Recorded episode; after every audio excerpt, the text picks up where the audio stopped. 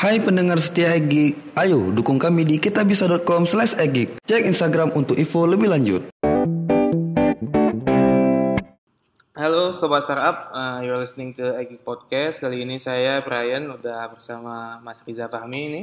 Ya. Ya, co-foundernya dari Hactive 8 dan Code ID ya. Ya, kode.id. Uh, ya, Code.id. Hmm, ya, terus run Jakarta JS juga, kan? Iya, Ya, Jakarta ketuanya ya. Eh, enggak, salah satu Founder. pengurusnya lah. Oh, pengurus lah ya. Terus juga run developer skill ke Jakarta. Facebook ya Jakarta. Terus ada podcast juga namanya cerita developer podcast. Iya, Ah, terus ada apa nih maksudnya medium tuh namanya Pujangga Teknologi. ya? iya. Kolom ya apa namanya? Em, publikasi. publikasi, Publikasi. ya, ya publikasi. Terus eh, Mas eh, Riza Fahmi ini sebut eh, awalnya di Binus terus S2 di UI ya. Iya. Backgroundnya betul-betul IT semua program. Bisa ceritain nggak Mas eh, apa dari secara singkat dari Binus hingga sekarang udah jadi founder Hekatif? Oke, eh, mungkin ceritanya lebih seru kalau saya ceritain dari eh, awal ya. Jadi Hmm. saya lahir di Medan, eh, besar di Loksmawe, Aceh Utara, eh, terus tamat SMA baru ke Binus. Hmm. Binus eh, SMA berarti di SMA Loksmawe? di Loksmawe. Dari dari dari kecil sam- dari SD sampai Ya, pena. SMA. Ya pena apa? Eh, SMA 1 SMA satu. SMA satu. Eh, terus eh, akhirnya em, hijrah ke Jakarta Mhm. untuk kuliah Eh, mau mau targetnya kan mau ITB sama UI tapi nggak lulus alhamdulillah akhirnya masuk Binus, Binus eh, tahun 99 sampai 2003 dari 2003 saya eh, kerja di software house namanya Ironworks Indonesia sekarang udah nggak ada terus eh, lanjut ke software house juga Linux Indo. Nah Linux Hmm. Indo ini sebenarnya ada software house dan ada training center. Hmm. Dan pertama kali saya pengalaman ngajar sebenarnya di Linux Indo ini karena waktu itu ada apa? Ada satu eh, kursus yang nggak ada pengajarnya. Jadi Oh gitu. eh, saya diminta untuk ngajar ya udahlah coba pengalaman ternyata menarik juga. Hmm. Dan setelah dari situ baru habis itu pindah ke Okezone, okezone.com, Hmm. eh, ke ia.com, terus baru akhirnya merasakan gimana kerja di startup di tahun 2012, 12 ya. 2012 Di ia.com tahun 2012. nih. Ia.com itu eh, jatuhnya sih bukan startup sebenarnya. Eh, itu enterprise, jadi Hmm, perusahaan enterprise. Korea. Hmm. Perusahaan Korea. Nah setelah dari ia.com baru saya merasakan startup di Harukaido, Oh, Harokaido. Iya. 2012. Iya, iya. Dari 2013 nih. Iya, Mas. 2013, sorry. Iya, iya, 2013. Iya. Eh, terus eh, dari Haruka Edu eh, lima, eh, dua tahun ya, dua tahun. Mm, mm, mm. Eh, kemudian pindah ke startup Belgia, Hmm, namanya Citizen Lab. Citi- oh ya, Citizen Lab ya. Nah itu kerja Jadi remote. CTO-nya ya. Iya, Iya. kerja remote. Kerja remote dari Jakarta, eh, apa tim yang lain di, di Belgia waktu itu. Dan nggak sampai setahun. Kok bisa jadi CTO nih ceritanya? karena baru satu developer. Oh, jadi basically sebenarnya itu hanya title aja Hmm, sebenarnya. Hmm, kerjanya ya kerja ngoding lah Hmm, basically. Jadi karena mereka baru berdua foundernya Hmm. dan dua-duanya nggak bisa ngoding akhirnya ketemu waktu itu di Jakarta. Oh, ketemu Eh, di Jakarta. ketemu di Jakarta. Waktu itu saya masih di Haruka Edu. Terus eh, mereka nyari developer Hmm. mereka nyari developer ada nggak developer yang mau eh, kerja di startup gitu kan Eh, oke saya cari di komunitas akhirnya nggak ketemu sampai berapa bulan diri nggak ketemu. Pada akhirnya menawarkan diri ya. iya udah udah udah apa ya udah merasakan susahnya cari developer mulai dari situ Iya, kan betul, betul. terus terus pas eh, kasihan juga kan dia eh, udah udah agak desperate akhirnya saya bilang ya udah eh, saya eh, full time kerja di Hokkaido tapi eh, dua tiga jam saya bisa spend waktu malam Hmm. untuk bantuin mereka. Part time itu Ya, di situ part-time. terus dia tanya terus bayarannya gimana ya udahlah nanti aja pikirin itu. Yang penting produk kalian jadi dulu karena Hmm. bagus kan. Hmm. jadi akhirnya saya Ya, bantuin. bagus itu Mhm, saya bantuin. Eh, dua bulan saya bantuin mereka part time terus akhirnya eh, si si IO nya nyeletuk. "Ya, nanti kalau kita dapat funding eh, di hire ya full time gitu ya waktu itu saya bilang oh ya oke gitu Eh, bukan nggak yakin sih maksudnya ya hanya sekedar kayak basa-basi aja Hmm. mau gitu kan eh ternyata beberapa bulan kemudian mereka di funding jadi dia pulang ke Belgia dan ternyata untuk dapat funding di Belgia itu gampang sekali karena Hmm. pemerintahnya dari apa eh, dukungan pemerintahnya luar biasa di sana kan. Akhirnya di funding dan saya ditawarin uh, full time di sana. Hmm. Uh, ya, Pindah bilang. Hokkaido cabut dari. Hokkaido akhirnya saya cabut uh, pindah full time di sana kerjanya remote dari Jakarta. Hmm. Nah dari sana nggak lama ternyata um, startup itu kan keras ya. Iya, Jadi kalau target nggak tercapai bingung nih mau ke mana. Hmm. Nah pada saat itu bulan-bulan uh, September November Hmm. mereka bilang uh, target kita sebenarnya November udah uh, menghasilkan uh, duit lah. Hmm. Tapi ternyata uh, mereka miss kalkulasinya akhirnya nggak mereka nggak punya duit lagi mereka bilang kita nggak bisa apa Lanjut, gaji lagi. iya. gitu. Uh, terserah mau balik part time lagi atau mau cari kerjaan baru. Akhirnya saya bilang ya udahlah saya cari kerjaan baru. Dan untungnya uh, karena memang uh, apa ya dan karena memang si apa developer ini susah orang banyak bilang kan susah cari developer kan. Iya betul. dan karena saya kebetulan pas saya cari kerjaan saya coba cari-cari akhirnya uh, ketemulah sama uh, foundernya Activate Oh, uh, Ronald iya. Hmm. Nah, pada saat itu saya mau di hire uh, untuk jadi developer di salah satu produknya dia. Jadi Hmm. belum belum ngomongin Activate pada saat itu. Oh, berarti produk lain ya. Iya, produk lain kan. Dan pada saat ngobrol-ngobrol-ngobrol akhirnya eh, saya tanya gitu kan, emang kenapa? Eh, iya nih susah cari developer. Iya, memang susah kan. Iya. Gimana kalau kita buat aja eh, public developer saya bilang gitu kan. Nah, waktu itu saya bilangnya belum bootcamp karena bootcamp eh, enggak istilah yang asing lah ya dulu ya Hmm. belum tahu kan belum banyak yang tahu istilahnya kursus kan saya bilang gimana kalau kita bikin Iya, kursus iya. aja gitu Iya, iya. Mesti mesti itulah familiar lah. ya. Iya, kalau kursus kan orang udah banyak tahu. Uh, dan tanpa saya duga ternyata si Ronald ini dia pernah ikut bootcamp di Amerika. Saya Hmm. nggak tahu tuh sama sekali backgroundnya dia, Oh, iya iya iya. gitu kan. Dan dia bilang wah menarik tuh. Ya udah, akhirnya itu bulan November kita ketemu. November ke Desember itu kita uh, bikin bisnis plan. uh, terus uh, Desember udah deal. Akhirnya dia bilang udah, nggak usah cari kerjaan lagi. Maret kita full time untuk Activate. Oke. Gitu. Berarti foundernya Mas Riza sama Mas Ronald, oh, ya. Berdua. aja. Iya. Oke, kita masuk ke Hactive 8 Oke. tadi. Gi- eh, idenya ide siapa nih? Eh, idenya dari saya sebenarnya. Hmm. Tapi Yang tadi pengen ya, buat pabriknya itu ya? Ya berhubung Ronald juga sudah Hmm. pernah eh, ikutan bootcamp, dia Hmm. sudah pernah merasakan gimana bootcamp, Hmm. eh, dan dia pernah melakukan beberapa kali kayak bootcamp bootcamp kecil kayak dua minggu dua minggu itu Hmm, waktu hmm, itu. hmm. Akhirnya tercetuslah bootcamp itu. Semen- Sementara saya sebenarnya eh, saya bilang bisa bilang Activate itu mimpi. Kenapa? Karena dulu waktu saya pertama kali belajar di 2013 di waktu di Haruka Edu saya pengen belajar Node.js waktu itu dan pada saat mau belajar itu saya pengen banget ikutan bootcamp yang namanya Hack Reactor di Amerika. Hmm. Itu pengen banget gitu udah ngeliat ikannya aduh gitu kan tapi Udah di bucket list lah ya. Iya, enggak, apa- apa daya kan. eh, Oh, kayaknya haji ya developer ya. kan. Terus habis itu jauh kan Iya. nggak mungkin kita tinggalin eh, Indonesia hanya untuk Ikut itu. ke sana. ya. Ya dari situlah ide idenya kurang lebih dari situ. Hmm. Jadi mulai dari keinginan eh, apa eh, ikut bootcamp, Hmm. akhirnya malah jadi bikin bootcamp gitu. Hmm, hmm, hmm. Oke. Jadi namanya kenapa Active 8 nih? Eh, nama Activate sebenarnya eh, dari apa dari kepanjangan Activate. Jadi karena kita nggak dapet eh, domainnya, jadi kita ganti angka 8. Activate itu kayak Berarti 8 tuh ini kebe- kebetulan aja ya? iya, jadi kayak apa ya? eh, hack eh, activate kan. Jadi eh, aktivasi eh, hacker di dalam diri kamu gitu. Kira-kira kayak gitulah kira-kira filosofinya. Iya. Jadi aku per- ada lihat ini ya, eh, slide share-nya Mas Riza nih. Hmm, Di awal tuh ada bilang bahwa membuat startup itu harus profitable ideas. Iya. Ini di awalnya idenya sebagai profitable ideas apa hmm. cuma tadi kan ada hasrat gitu Iya. Ya, jadi gini, awalnya em, waktu kita apa lagi bikin bisnis model gitu, Mhm. awalnya tercetus ide untuk kasih kita kasih gratis untuk bootcampnya. Hmm. Nanti mereka akan bayar setelah mereka lulus gitu Mhm. kan. Terus saya bilang saya nggak mau, saya mau mereka bayar duluan. Kenapa? Karena motivasi, motivasi kan bisa datang dari mana aja. Kalau memang kita motivasinya kuat untuk belajar, oke nggak masalah, gratis pun dia pasti bisa. Mhm. Tapi kalau dia motivasinya kurang kayak kuliah aja, Iya. kalau kuliah DO kan sayang karena kita udah bayar mahal-mahal kan.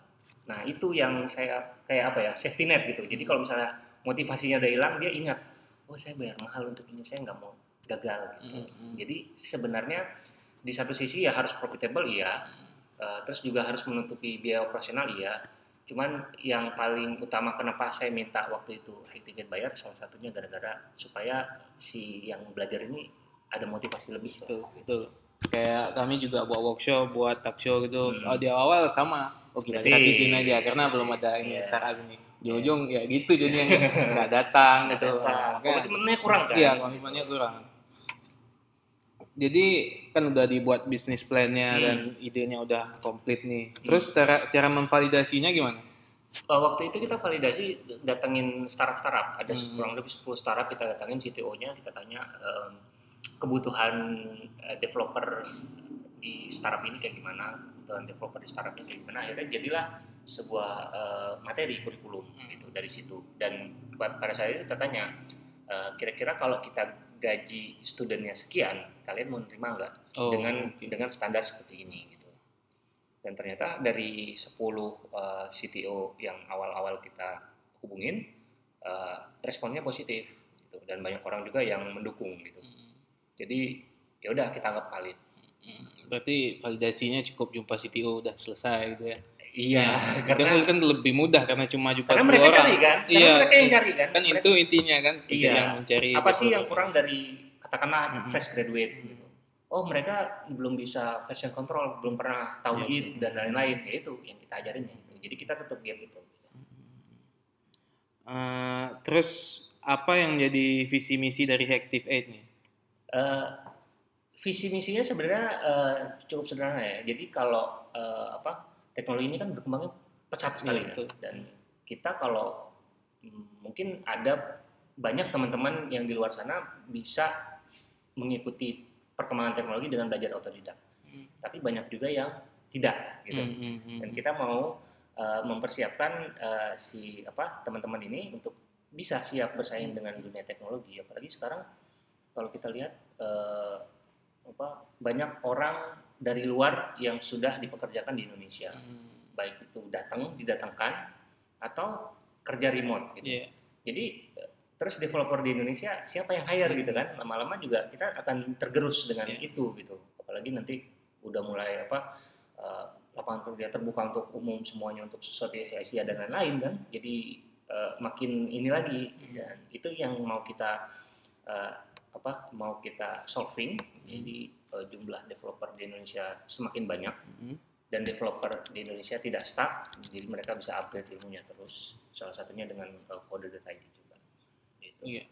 Kode ID ba- dia eh, setelah ini kan setelah, Setelah, Active jadi ya. ya Activate kan uh, awalnya kan produk utamanya adalah yang uh, full stack bootcamp ini kan. Hmm. Terus uh, setelah full stack boot- bootcamp ternyata ada banyak permintaan dari orang gimana kalau saya kerja saya nggak bisa resign terus saya harus Oh, ikutan tiga iya, bulan iya. gitu kan akhirnya kita bikin kelas malam namanya Hmm. kelas part time Hmm. Nah itu kelasnya biasanya banyak kan kelas yang upgrade. Jadi misalnya teman-teman yang udah belajar front end, belajar back end, belajar mobile, belajar data science gitu-gitu.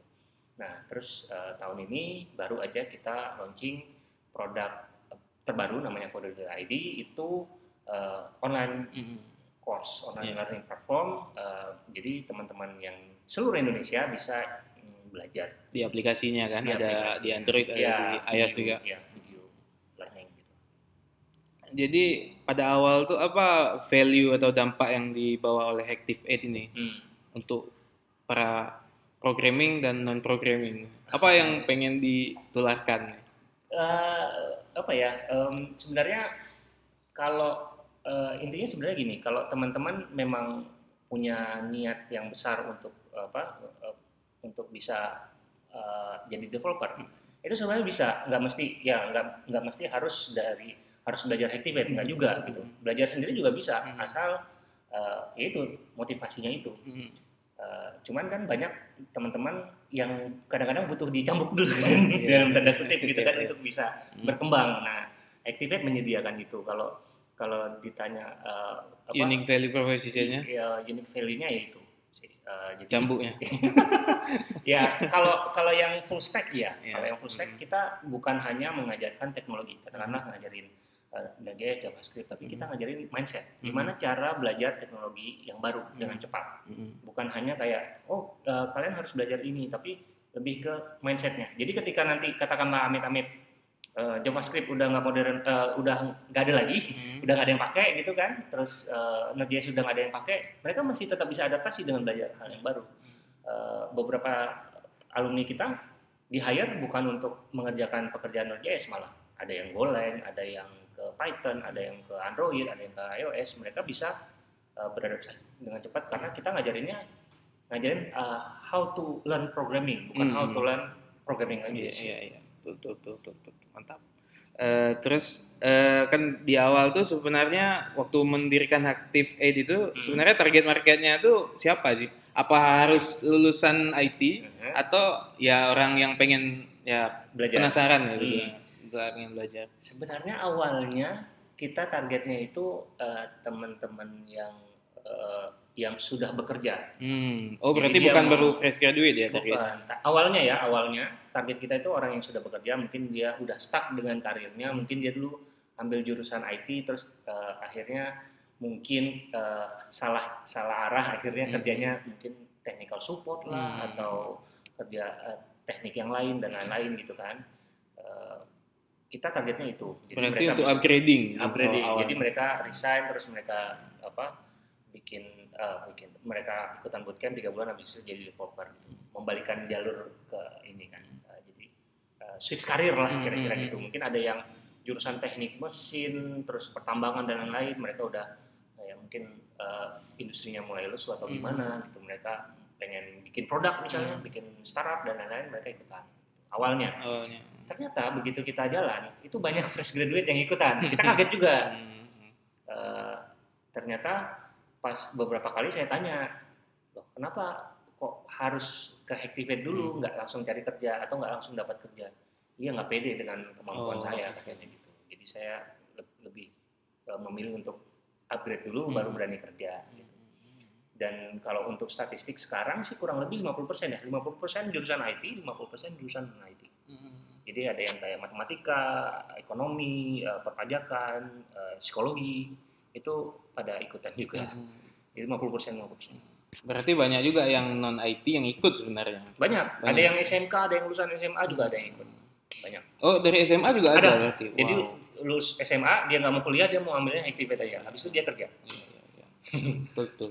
Eh, jadi di awal tuh eh, saya lihat di LinkedIn-nya Mas Rija ini sebagai curriculum director ya. Awalnya ya. Sebagai curriculum director. Jadi bagaimana cara nyusun eh, apa curriculum Activate itu? Nah, Da- yang aku pernah nonton eh, Kevin Alwi Gojek pernah bilang bahwa eh, kampus itu bakal selalu kalah karena menurut dia kurikulum itu perlu diupdate setahun sekali gitu. Hmm. Eh, gimana cara nyusun kurikulum ini supaya bisa menyaingi kampus yang sudah ya sudah punya nama gitu. Oke. Kita nggak bersaing dengan kampus sih sebenarnya. Enggak maksud lebih iya, ke iya, betul, betul. eh, apa ya kayak memberi nilai tambah aja Hmm, buat hmm, Eh, untuk kurikulum sendiri sebenarnya kita update nya tiga bulan sekali sih update sih. Makanya kalau ada, iya. kalau diperlukan ya. Jadi kalau tiga bulan sekali kita revisi, eh eh, kita evaluasi, kira-kira butuh nggak up- update eh, kurikulumnya gitu. Hmm. Dan kadang-kadang juga ada beberapa materi yang awalnya kita ajarkan dan ternyata eh, dari dari siswanya itu nggak belum menerima dan oh, artian oke oke. eh, mungkin belum waktunya. Hmm, Contohnya dulu awal-awal kita sempat ngajarin GraphQL hmm, eh, dua tahun yang lalu. hmm. Itu eh, apa eh, student kita tuh nanya ini buat apa gitu. Kita belum merasakan eh, apa ya pain pointnya gitu. Hmm, hmm. Akhirnya kita take out dulu. Dan ketika udah berjalan sekitar enam bulan, mulai banyak lagi yang minta Hmm. tambahin dong GraphQL. Ya udah kita masukin lagi. Jadi kita kayak tambal sulam tambal sulam aja kayak Lego gitu. Jadi Iya, iya. kalau misalnya kira-kira kurang tepat ya kita cabut dulu. Hmm, hmm, hmm. Kalau ternyata sudah mulai ada kebutuhan kita taruh lagi. Hmm, hmm. Jadi ya eh, fleksibel eh, fleksibilitas dari kurikulum itu yang membuat mungkin kita sedikit berbeda dengan kampus karena Mhm. kampus tidak bisa Iya, Seperti itu kan? iya. Perlu tahapan yang panjang untuk iya untuk ubah kurikulum. berubah kurikulum. Jadi gimana kan kurikulum sebagai kurikulum director gitu. Hmm. Gimana cara menjamin lulusannya betul-betul standar activate ini? Iya, Kayak kebetulan kan cuma tiga bulan ya, kalau nggak salah. iya, iya, tiga bulan ditambah persiapan itu eh, enam minggu, jadi Hmm. kurang lebih empat bulan ya. Hmm. Itu kita benar-benar eh, nggak istilahnya nggak peduli dengan jumlah hasil lulusannya. Hmm, iya. Ketika dia belum siap untuk naik tingkat, dia nggak akan naik tingkat. Mau di eh, diminta tolong kayak apa pun, disembah-sembah kayak apa pun kita nggak. Beda lah sama kampus ya. Hmm. no comment kalau itu. Nah, eh, jadi kita ada ada tingkatan kan. Fase 0 itu fase persiapan 6 minggu. Hmm. Ketika mereka lulus, mereka masuk ke fase 1 4 minggu, fase 2 4 minggu, fase 3 4 minggu. Nah, ketika di fase 0 atau fase 1 fase 2 itu mereka nggak bisa ngikutin, ya menurut instruktur juga nggak mereka nggak bisa ngikutin, nilainya juga kurang dari standar, ya mereka harus ngulang Hmm. dan mereka diberi kesempatan ngulang dua kali dan ketika ngulang ketiga itu eh, mereka terpaksa harus eh, berhenti Hmm. untuk eh, apa Belajarnya. deactivate. Jadi mereka tidak dapat eh, certificate of eh, completion. Hmm. Meskipun eh, kita sengaja mendesain supaya mereka bisa ngikutin sampai at least eh, fase 2 Hmm. supaya mereka udah bisa dapat back end dan front end paling tidak mereka meskipun tidak lulus mereka tetap dapat kerja walaupun gajinya tidak standarnya activate. Oke, berarti quality over quantity ya. Iya, jadi kadang-kadang kita terima di awal itu dari fase sa- 0 ke fase 1 itu masuk bisa 30-an orang Hmm. yang lulus Keluar. bisa 8, Oke. 10, 15, kemarin terakhir 18. Hmm. Jadi eh, pas apa kita juga targetnya juga ya mau 8 mau 6 ya terserah, Iya, yang iya, penting iya. kita eh, kualitas yang utama. Hmm. Itu yang mau kita tekankan. Ya makanya nama Have- Active Ed itu harum kali. ya. Alhamdulillah. eh, mm, eh, jadi saya eh, pernah punya pikiran gini. Hmm. Kalau kita mau jadi kayak ini kan ada kalau di startup biasa ada eh, ada desain, Mhm. ada bisnis dan ya programming Development, ya ya. development. Saya kalau ngerasa kalau desain itu dia tuh kayaknya harus punya bakat dari lahir gitu. Hmm. Ya punya harus punya bakat seni gitu, Iya. agak seni-seni gitu, Hmm. seniman gitu orang. Iya. Sedangkan kalau programming ini dia tuh nggak perlu ada bakat, tapi dia perlu cum- seperti belajar matematika. Betul. Dia tuh hanya perlu rajin, rajin dan rajin gitu. Iya. Nah, rajin, rajin, rajin. Mau dia sebodoh apa pun, kalau dia rajin, tek- tekun pasti bisa gitu. Hmm. Jadi who who can be a programmer tuh? Everyone can be. Everyone can be a programmer. Kalau dari apa, yang di Hacktivate itu Hmm. Apa sih case yang paling unik gitu seorang yang jadi programmer itu? Case yang paling unik, kita pernah eh, dapat mahasiswa jurusan game programming di Mhm. salah satu universitas swasta dan dia tidak lulus. Oh, tidak lulus kampus maksudnya. Eh, tidak Oh, lulus. tidak lulus. Tidak sampai lulus. Oh, tidak Deactivate. sampai lulus Iya. deactivate, ya. Iya, sampai eh, dia harus berhenti karena dia tidak bisa mengikuti. Heeh. Eh, sementara ada lulusan psikologi yang struggling setengah mati tapi dia akhirnya bisa lulus. Iya. Jadi eh, nggak serta merta orang yang basicnya IT bahkan game programming kan Hmm. kayaknya lebih berat daripada IT biasa gitu kan. Daripada psikologi. yang saya nggak tahu sih eh, kurikulum di sana diajarin kayak gimana. Cuman eh, paling nggak dia punya basic programming yang lebih fundamentalnya lebih kuat. Hmm. Tapi ternyata eh, dengan apa eh, dengan di tempat di activate justru dia malah eh, dia yang tersingkir malah Oh. non IT yang bisa berhasil gitu. Hmm. dan beberapa da- ini nggak nggak bukan menjelaskan ya dalam beberapa kali kesempatan yang lulusan non IT justru lebih berkembang lebih cepat daripada yang jurusan IT Iya.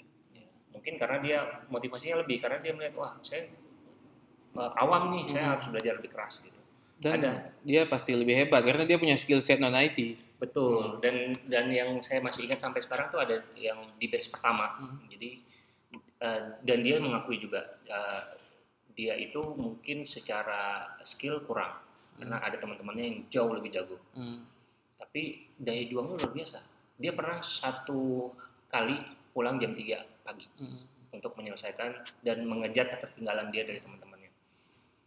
Eh, tidak disarankan diactivate untuk melakukan itu karena Lembur. besoknya pasti Iya, ngantuk kan. iya, iya. Tapi eh, daya juang yang luar biasa begitu dia datang paginya dan dia datangnya telat memang itu dapat keuntungan dari satu kelas gitu karena memang eh, luar biasa eh, ininya apa mm, daya juangnya. Jadi sebenarnya kalau misalnya teman-teman merasa wah logika saya kurang nih, gitu, eh, bisa nggak ya program bisa cuman ya butuh lebih Lama. effort lebih Iya, banyak aja iya, lebih iya.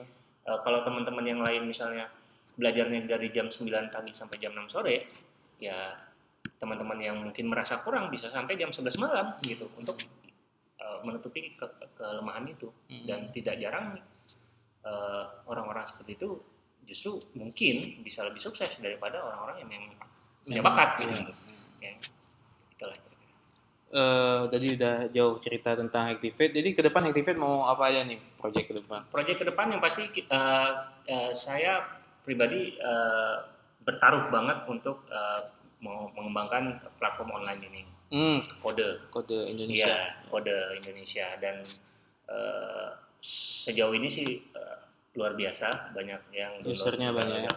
usernya udah banyak dan target kita bukan hanya untuk eh, teman-teman pribadi jadi satu orang satu orang tapi ke corporate juga karena Hmm. banyak permintaan untuk training internal mereka di perusahaan mereka Hmm. gitu dan kita tidak belum bisa memenuhi permintaan itu karena untuk mencari instruktur juga agak lumayan kan Iya, lumayan repot, susah ya. kan dan mencari instruktur yang mau eh, onsite di satu perusahaan lain juga lebih susah lagi jadi eh, kita punya ide untuk bikin online platform dan eh, si perusahaan-perusahaan ini bisa suruh karyawannya untuk belajar dari online platform itu.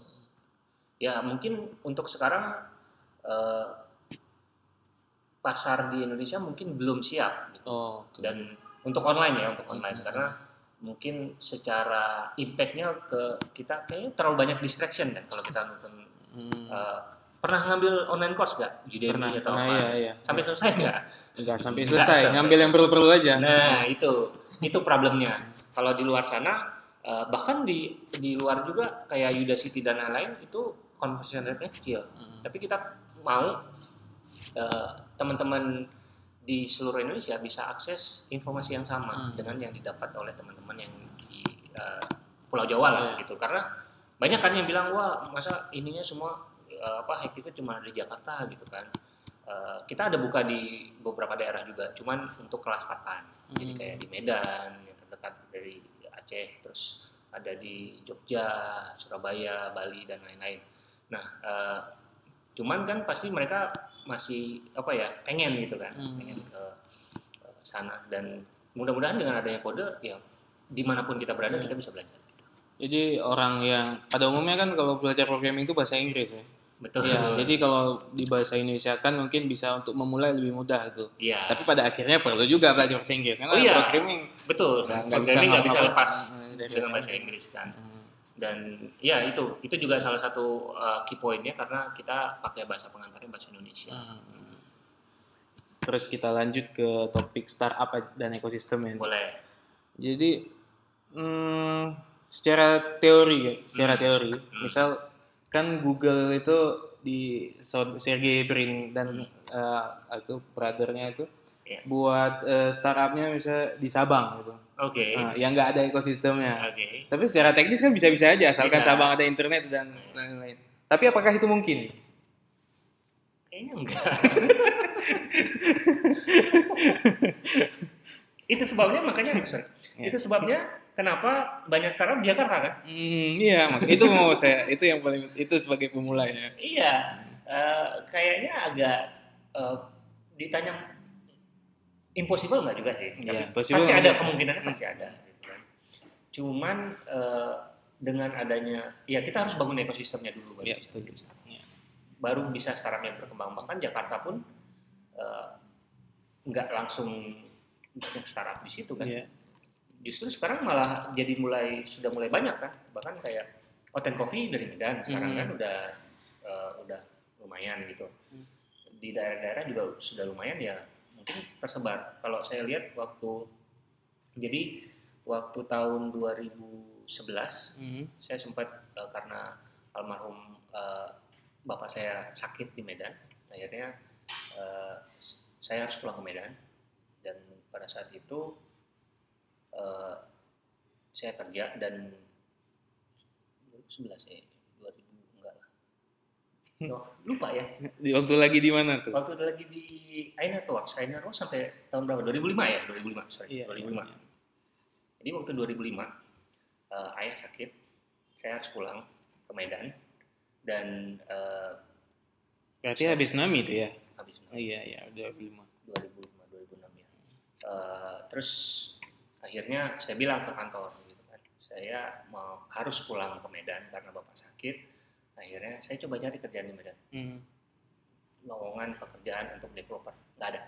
Saya nggak dapat, bukan nggak ada. Bukan saya nggak dapat. ya? Saya nggak dapat karena mungkin networknya nggak ada Iya. jaringan saya nggak ada teman-teman di sana juga mungkin tidak berhubungan dengan IT. Eh, terus akhirnya saya bilang saya udah coba cari kerjaan tapi nggak dapat. Akhirnya untungnya mereka eh, memperbolehkan saya kerja remote. Hmm. Jadi ya udah kamu pulang aja urusin orang tua s- sambil kerja dari sana. Ya udah akhirnya eh, dari 2005 itu akhirnya saya eh, baru kembali lagi ke Medan itu tahun 2000 berapa ya 2016 2017 2018 saya lihat perkembangan udah luar biasa. Eh, coworking space sudah Hmm. banyak startup udah mulai banyak gitu. Apalagi Bukalapak udah buka di Medan juga kan. Eh, udah mulai berkembang tuh. Jadi eh, perkembangannya kelihatan kelihatan sekali gitu. Dan mungkin juga gara-gara sudah terlalu banyak eh, startup-startup di Jakarta Hmm. yang untuk berkompetisi dengan para unicorn-unicorn itu susah kan Iya. gitu kan mungkin eh, sekarang saatnya daerah-daerah gitu. kenapa Tadi ya di Sabang tadi itu. Kan secara teori bisa-bisa aja. Bisa. Tapi ekosistem itu sangat penting. iya Karena misalkan mereka cuma berdua, sharingnya cuma berdua, nggak ada temennya terus ya jadinya Google gitu-gitu aja udah kayak Iya. website biasa gitu. Iya, Gak ada di Google temennya. sekarang gitu. nggak ada temennya nggak ada kompetitornya dan kalau apa eh, bikin sesuatu bareng-bareng jauh lebih cepat daripada bikin sendiri Hmm. kalau ada kompetitor jauh lebih cepat Iya. lagi karena kita berlomba-lomba sama mereka gitu kalau misalnya Gojek nggak ada kompetitor sampai sekarang nggak ada Grab nggak ada Uber dulu saya nggak yakin eh, Bisa kayak gini. bisa kayak sekarang pada tahun ini gitu Ya, karena mereka berkompetisi mereka maju berdua kan sebenarnya. Bareng-bareng Hmm. walaupun ya mungkin perang-perangan ya saya nggak Iya. tahu nih di belakangnya Di kan belakangnya ya. tapi at least mereka maju bareng gitu. Eh, apa kayak startup di bidang logistik pesat sekali gitu, dibandingkan sama yang lain Oh, sama juga e-commerce juga perang-perang juga kan Hmm. Traveloka yang baru dapat kompetitor kan dari tiket kan Iya. dan mereka jadi cepet jadi banyak eh, fiturnya sekarang mungkin salah satunya gara-gara kompetisi itu Hmm. karena kalau cuma ada satu ya kita Bingung. kayak di zona nyaman Iya, aja kan nyaman. ya entah lah nggak ada orang yang ini yang ganggu gitu kan Jadi sebagai uh, founder dari co-founder dari Activate dan juga programmer, sebenarnya di tahap awal startup tuh sepenting apakah tuh punya CTO atau bag- uh, dia atau bisa remote atau part time gitu atau gimana? nggak perlu sih awal Nggak perlu, nggak perlu nggak perlu, oke. nggak perlu jadi eh, sering kali yang apa yang saya eh, ketemu sama orang gitu Hmm. oh saya punya ide nih saya pengen bikin sesuatu gitu. Oke. saya lagi cari technical co-founder saya lagi cari CTO Eh, ya kalau pendapat saya sih saya bilang eh, saya sampaikan bahwa eh, susah loh cari CTO cari technical co-founder kalau nggak eh, apa partner ya kan cari partner kan Iya. partner itu antara bisa bikin kita sukses atau bisa bikin kita gagal jadi itu eh, krusial sekali. Dan untuk mencari partner itu tidak gampang. Dan eh, yang saya sarankan sama dia adalah kenapa nggak cari developer aja? Hmm. cari developer dulu dia mau kerja dengan eh, gaji yang ya mungkin nggak segede yang lain gitu tapi dia suka dengan idenya ya, satu visi gitu. Dia kerjain dalam berapa lama kalau cocok ya udah baru di hire sebagai mau nggak jadi co-founder? Gitu. Kan lebih lebih enak kan? Pendekatan dulu kan? Nggak langsung nembak gitu kan? Nanti udah dijadiin CTO udah iya. susah. kalau udah jadiin CTO eh, gajinya udah tinggi terus dia katakanlah dia nggak perform mau diturunin juga susah gitu kan? Apalagi kayak ketika saya datang misalnya saya pengen saya CEO lah gitu kan? Hmm. Eh, saya mau hire eh, kamu. Mau nggak jadi CTO saya jadi technical founder yang ada di kepala kita apa?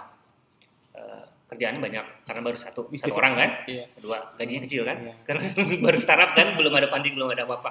Siapa yang mau? Hmm. pasti nggak ada yang mau kan?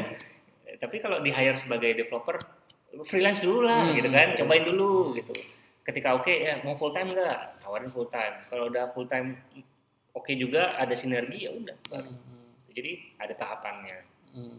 Karena ya startup scene di sini saya lihat itu ada kekurangan miss di situ. Karena everything harus ada CTO-nya gitu. Oh, Ya, nggak mesti. Nggak mesti. Nggak mesti. Dalam pikiran saya nggak nggak mesti, cuma konfirmasi aja. Activate sama kode belum ada CTO sampai sekarang. Oke. Wow. Wala- Walaupun ini perusahaan teknologi programmer ya. Kalau kalau Activate eh, kita nggak bisa bilang perusahaan teknologi kan, sekolahan lah ya, edukasi ya. Sekolah, Tapi kalau kode ya teknologi. Teknologi. Eh, dan sampai sekarang kita bertahan belum ada CTO karena memang belum butuh. Hmm. Hmm, Jadi buat para startup yang belum punya CTO jangan bersedih. Iya. Jangan bersedih. Kalau bisa bikin sendiri ya bikin sendiri gitu. Nah, ya, jangan sendiri lah, bikin berdua gitu. Hmm. Walaupun dua-duanya nggak bisa coding ya belajar. Hmm, hmm, hmm, hmm. Ya belajar kreatif. Belajar. Iya. Oh, boleh, boleh. Eh, jadi ada case juga gini. Eh, most people dengan technical background tuh punya ego sendiri dia Ya. untuk gabung ke startup kayak tadi kan. Contohnya seper- seperti kayak pada masa awalnya Tokped, Mhm. dia tuh dapat funding bisa buka, buka expo besar-besaran, bootnya besar, tapi nggak ada yang mau jadi Iya. eh, timnya Tokped. Ini gimana eh, Mas Rija melihat? eh, ego untuk join ke sebuah startup. Hmm. Nah, Oke. Jadi eh, kalau teman-teman yang apa developer gitu ya, pengen punya cita-cita untuk bikin startup. Kalau buat saya sih hal pertama yang harus dilakukan adalah bekerja di startup dulu. Oke. Kenapa? Karena kita bisa tahu, oh ternyata kerja di startup kayak gini ya. Ternyata em, si, apa CTO-nya atau CEO-nya eh, yang ngambil keputusan itu begini loh dan merasakan gimana cepatnya perubahan terjadi ketika kita berada di startup. Beda sama kalau kita kerja di kantoran biasa. Hmm. Kantoran udah dapat nih pekerjaan dua minggu ini, udah gitu kan, udah pasti segitu. Kalau ini mungkin dalam dua hari berubah lagi, berubah lagi. Belum lagi pivot yang tadinya Apalagi di awal ya. iya, apalagi di awal kan yang tadinya wah kita mau uh, B2C nih, oh nggak jadi deh B2B aja, ternyata duitnya ada di sini gitu kan. Eh, Yang yang ngoding pasti stres kan, wah ini belum jadi udah berubah lagi gitu kan. Eh, dan kayak gitu-gitu, kalau teman-teman belum pernah merasakan begitu jadi founder atau Hmm. jadi co-founder itu akan kaget Hmm. karena tidak belum pernah merasakan, belum pernah merasakan gimana jadi bawahan, belum pernah merasakan gimana berada dalam satu tim, tiba-tiba harus Merasakan jadi- sistem. Iya. Sistem. tiba-tiba harus berada di puncak pimpinan terus anak-anaknya di bawah mau diapain gitu bingung kan Hmm. karena dia belum punya uh, sense uh, apa belum pernah punya atasan mungkin Hmm. gitu atau pernah punya atasan tapi bukan di startup Hmm. gitu jadi pengalaman untuk bekerja di startup uh, itu penting Hmm. saya juga mengalami uh, beberapa teman saya juga mengalami Hmm. dan memang dia dari awal udah bilang saya pengen punya perusahaan sendiri saya pe- pengen punya produk sendiri saya pengen punya startup sendiri Hmm. tapi hal pertama yang dilakukan adalah dia bekerja untuk startup. Jadi eh, dari laporannya Backcraft dan Mikti di Sumatera ini ada 115 startup. Oke. Oke.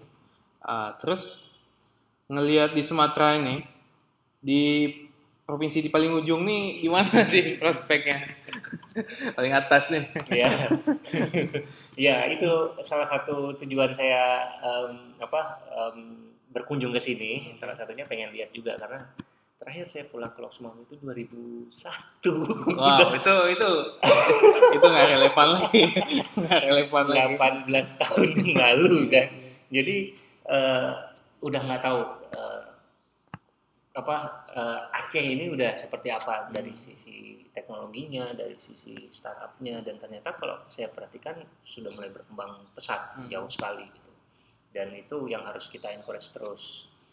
Eh, butuh banyak eh, success story ya, butuh Ya, banyak ya. success story. Jadi orang-orang yang mungkin yang eh, apa yang sudah mungkin sudah punya startup atau sudah bekerja di startup di Jakarta atau di kota lain bisa eh, sering-sering diundang di sini buat apa eh, anak-anak muda ini bisa melihat wah ternyata bisa loh kita gitu dan nggak menutup kemungkinan eh, kemungkinan sangat besar sekali bisa bikin sendiri di sini gitu daripada harus jauh-jauh diimpor ke sana Hmm. Tapi secara teori tadi kan ekosistemnya harus terbentuk dulu. betul Nanti Ya. dia sharing sama siapa? Sama siapa? betul harus banyak eh, ya selain success story harus banyak eh, itu cerita kegagalan juga Hmm. gitu. karena startup kan tidak apa ya eh, tidak akan jauh-jauh dari yang namanya kegagalan Hmm. like 90% of startup fail gitu ya. Iya. Jadi 9 dari 10 startup fail. Jadi tugas kita adalah membuat 10 startup. Cukup satu aja sukses kan? Selesai. Iya, iya. Jadi biar cerita ekosistem nih. Eh, selama perjalanan Mas Riza nih gimana cara melihat kan Aceh anggap aja Aceh nih ekosistem startupnya belum udah- belum lah belum. Nah, ya. How to build it? What the Eh, master plan? ya masing-masing masing-masing dari kita aja bikin eh, coba aja bikin produk sendiri Nah, coba cari eh, apa eh, cari partner coba cari komunitas Hmm. mulai dari akar aja dari root jadi Hmm. mulai dari bikin komunitasnya dulu sharing-sharing banyakin ya banyakin sharing knowledge eh, mungkin ada beberapa teman yang punya kesempatan ke Jakarta misalnya ikutan Tekin Asia misalnya. Sampai ke sini Hmm. sharing lagi. Hmm. oh ini yang di Jakarta nih startupnya ini ini ini ini. Eh, mungkin dari situ bisa muncul terbetik ide gitu kan. Oh kayaknya bisa di sini gitu kan. Eh, memang awalnya bilang wah berarti nyontek dong gitu ya nggak apa-apa untuk awal gitu. untuk ini aja untuk trigger Hmm. supaya nanti makin lama makin ke sini makin banyak ide-ide yang original dari khusus yang bisa solving masalah Di yang di Aceh. Aceh apalagi nasional dan Betul, betul. global.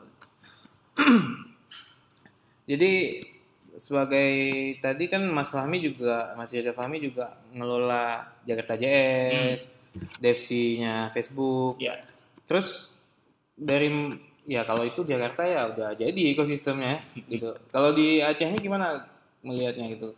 Untuk membangun sebuah yang khusus developer aja nih Nah. karena backgroundnya developer.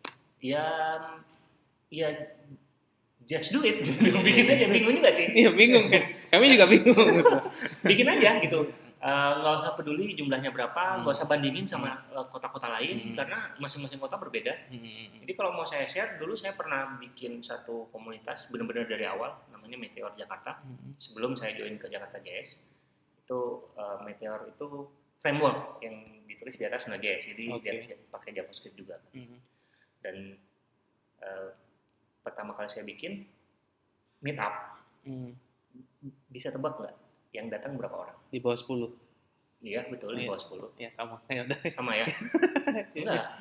Satu orang Wow, wow itu itu namanya kawan ngopi. Mas.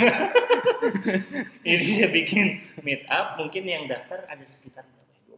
25 orang yang register yang eh, res- reserv, reservasi ya terus yang datang satu sedih nggak Ya. sedih sih tapi tetap eh, show must go on kan akhirnya kita Show. ngobrol berdua liatin laptop saya ceritain di eh, meteor itu ini ini ini, ini. terus saya tanya backgroundnya dia oh eh, saya IT support di salah satu perusahaan hosting. Hmm. terus kenapa mau ke sini? Ini kan programming. Iya saya pengen belajar programming. Oh ternyata dia belum punya eh, background programming terus dia mau datang ke situ. Selang dua minggu dia kabarin saya. Hmm. saya dari resign. Saya freelance Hmm, hmm, hmm. jadi developer. Eh, bulan berikutnya dia jadi pembicara. Hmm. Eh, selang berapa tahun dia di hire urban hire Hmm. selang berapa tahun dia eh, ke Singapura Wow. dapat kerja di Singapura gajinya lebih gede daripada saya itu gara-gara eh, Satu meetup. satu Meetup itu ya. satu orang dan dia jadi eh, apa setiap kali saya bikin meetup pasti dia datang loyal Hmm. sekali gitu dan ya itu mungkin eh, dia bilang ya ini salah satu cara saya untuk berbalas budi katanya gitu karena Apresiasi ya. iya karena apa ya karena gara-gara meetup yang pertama itu Hmm. jadi dia dapat kerjaan dan eh, dan pekerjaannya bagus gitu Hmm. secara finansial Hmm. jadi kalau ada teman-teman yang bikin meetup terus meetupnya sepi jangan sedih Hmm. saya lebih sedih cuma satu orang Iya udah siapin tempat, ya udah siapin konsumsi, ya ya datang. Eh, jadi ingatlah eh, apa ingatlah em, pembicaraan ini karena ada yang lebih sedih lagi jadi yang penting meet up itu yang penting eh, reguler aja Hmm. Ngadain mungkin setiap sebulan ada meskipun orangnya cuma lima cuma tujuh cuma tiga ya jalan aja terus Hmm. gitu dan lama kelamaan juga akan ramai Iya. Ja- Jakarta JS juga awal-awal eh, kalau kalau sekarang mungkin untuk nyari 75 sampai 100 gampang Hmm. tapi kalau awal-awal ya susah juga, susah cari tempat, susah cari speaker, Hmm. hal yang sama kok di, eh, dialami gitu sampai sekarang Konsistensi ya. konsistensi. Eh, jadi aku pernah bacanya baca bukunya Peter Thiel ya Hmm. From Zero to One ya kalau Zero to salah One, Zero ya. to One. Jadi di awalnya dia ada kata-kata yang menarik gitu. Dia eh, bilang bahwa what important truth do people do very few people agree with you on. Eh, susah Susah. Iya, dia langsung di di bawahnya langsung bilang ini pertanyaan yang paling susah. In programming maksudnya. in programming eh, in programming em, ini ya masing-masing orang tuh punya punya jalan hidup dan punya bakatnya masing-masing mungkin eh, saya dari awal dari kelas 2 SMP udah belajar programming Yuk. Eh, tapi ternyata eh, ketika saya mulai membangun Activate ternyata saya merasa punya eh, apa ya punya bakat lain Hmm. yaitu ya mengajarkan programming Oh, bukan hanya pengajar. gitu. iya bukan hanya eh, duduk di belakang layar anak back end gitu kan eh, udah ngoding aja setiap hari gitu kan itu saya lakukan sempat saya lakukan dan saya merasa kok ada yang apa ya ada yang kurang Hmm, iya, miss ya. iya ada yang kurang Purpose- dari purpose-nya belum dapat, dapat iya. gitu kan dan pada saat itu juga kebetulan mengerjakan produknya atau mimpinya orang lain bukan mimpinya saya sendiri. Hmm. dan ketika saya membangun Activate baru oh ini mimpinya saya.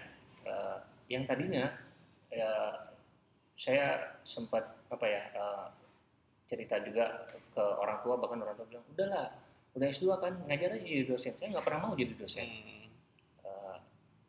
Nggak kebayang sampai sekarang saya bisa jadi pengajar gitu. Oke. karena tanya aja sama teman-teman kuliah kalau dulu ada yang presentasi bahkan di binus itu kan kalau skripsi tiga orang tuh ya, Hmm. kelompok pada saat sidang skripsi yang presentasi itu saya saya- saya nggak pernah mau pokoknya tiap presentasi saya cuma tukang next next aja nggak mau saya nampil Ya, oke. oke. karena eh, pemalu kan eh, introvert kata orang kan eh, tipikal programmer lah kan tapi ketika eh, sebelum bahkan sebelum Activate jadi ketika saya mulai berkomunitas eh, apa namanya eh, saya sharing ke orang dan orang itu mendapatkan sesuatu dari saya yang Hmm. seperti saya ceritakan tadi yang satu orang itu. Salah satunya ya satu orang itu dampaknya luar biasa gitu buat saya.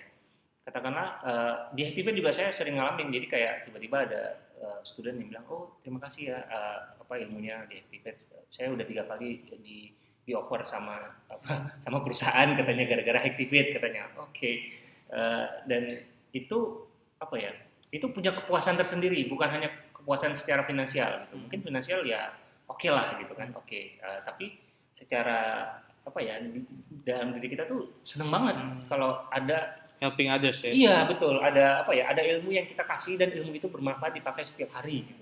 Yang dibawa juga sampai ke kuburan nanti ya. Ilmu yang bermanfaat. Amin, amin. Ya. Ini the last question ya. oke Eh, apa nih rencana ke depannya Mas Rija nih? Hmm. Nah, rencana ke depan baik dari startupnya atau pribadi personal. ya eh, rencana ke depan eh, ya pasti ngembangin Activate terus Mhm. ngembangin eh, produk-produknya Activate supaya semakin banyak orang yang bisa menikmati dan dapat impact-nya dari apa yang kita berikan gitu. Kedua, ya saya mau terus eh, berkomunitas. Salah satunya kalau tadi ada sebut Pujaga Teknologi, Hmm, oh, Pujaga podcastnya. itu iya Eh, eh, ini apa artikelnya ya? Ya, artikel publikasi itu salah satu eh, apa ya? Salah satu produknya eh, kita ada komunitas baru namanya Diptek. Iya. Yang sama Mas Sofian Hadi Wijaya bukan? Ya, sama. Udah dengar tuh podcastnya. Oh, udah dengar ya. Diptek eh, itu komunitas. eh, jadi eh, beberapa apa eh, software engineer CTO eh, di perusahaan-perusahaan itu eh, ada keresahan. Jadi eh, ceritanya sebenarnya dari dari masalah kecil, masalah dari lingkungan kecil aja sebenarnya. Jadi kita dari eh, apa pengurusnya Jakarta JS sempat ada yang ngomong gini. eh, kalau Jakarta JS kan bawainnya topiknya untuk eh, beginner kan, beginner Oke. level dan mungkin sedikit intermediate. Nah, buat orang-orang yang levelnya sudah di atas yang CTO, dia butuh meet up dan butuh komunitas juga untuk yang advance. Ya, Kalau kita ya. bawain, iya, kalau kita bawain topik yang advance di uh, Jakarta JS, Kasihan. itu pada bengong semua. Kasihan. Enggak semua, sebagian besar bengong gitu Ya, kan. kan kasihan yang nggak bengong itu ya. kan, kasihan. Akhirnya uh, tercetus ide, yuk kita bikin uh, apa komunitas yang pembahasannya agak lebih dalam. Jadi mulai dari situ akhirnya muncul kayak oh kita butuh nih publikasi-publikasi yang berbahasa Indonesia karena Ya betul. buku kita kurang Hmm, untuk memulai kayaknya kalau lihat bahasa Inggris yang masih awam tuh, aduh bahasa jadi Inggris kayak semua belajar gitu. dua bahasa kita mau belajar PHP nih mau belajar Python tapi harus belajar bahasa Inggris dulu kan Hmm, iya. jadi dua dua kali belajar gitu kan makanya tercetus ide oh kita bikin publikasi bahasa Indonesia siapa tahu nanti bisa jadi buku bisa jadi referensi anak-anak skripsi juga kan bagus gitu terus eh, dari situ berkembang lagi akhirnya sampai eh, kita punya visi dan misi yang cukup kuat yaitu penyetaraan Hmm. penyetaraan eh, seluruh Indonesia kalau bisa semuanya skillnya setara karena Oke.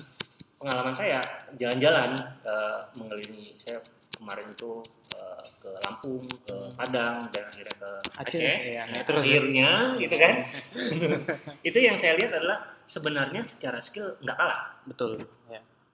tapi secara mental kalahnya Hmm. langsung udah minder duluan Betul. ada eh, teman-teman di Lampung nanya ke saya kalau di Jawa itu eh, ininya gimana gitu di Jakarta gimana saya tanya dia waktu itu semester berapa semester 6 kuliah saya tanya "Eh, kamu kuliah diajarin apa oh eh, semester 6 ini saya diajarin Android. Oh bagus dong. Saya pernah ngajar di kampus salah satu kampus swasta di Jakarta. Tahu nggak belajar mobilenya apa? Gitu ME jadi yang menang siapa?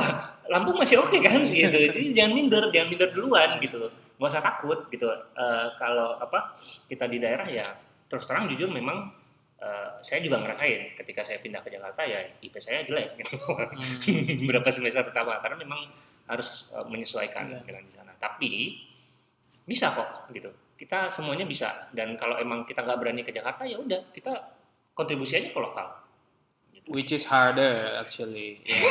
iya sih Iya. sebenarnya Makanya maksudnya minder sebenarnya bukan minder apa maksudnya ketika dia tamat terus melihat lingkungan sini siapa mau nerima saya itu aja iya iya betul Siapa- ekosistemnya belum terbentuk Iya, ya siapa mau nerima saya? Ujung-ujung kan kerja Kerja yang Jakarta enggak kalau Enggak. lokal mungkin di bank di gitu, bank atau ya apa ya ya gitu. IT support gitu gitu Iya, ya yang yang udah established itu Hmm. perusahaan yang udah established. Tapi kalau kayak startup kayaknya belum kepikiran ke situ mungkin Hmm. karena di sini startup mana yang menerima saya gitu kan. oke ya make sense cuman eh, apa ya nggak usah khawatir nggak Ya, usah khawatir sebenarnya nggak usah Teman-teman khawatir.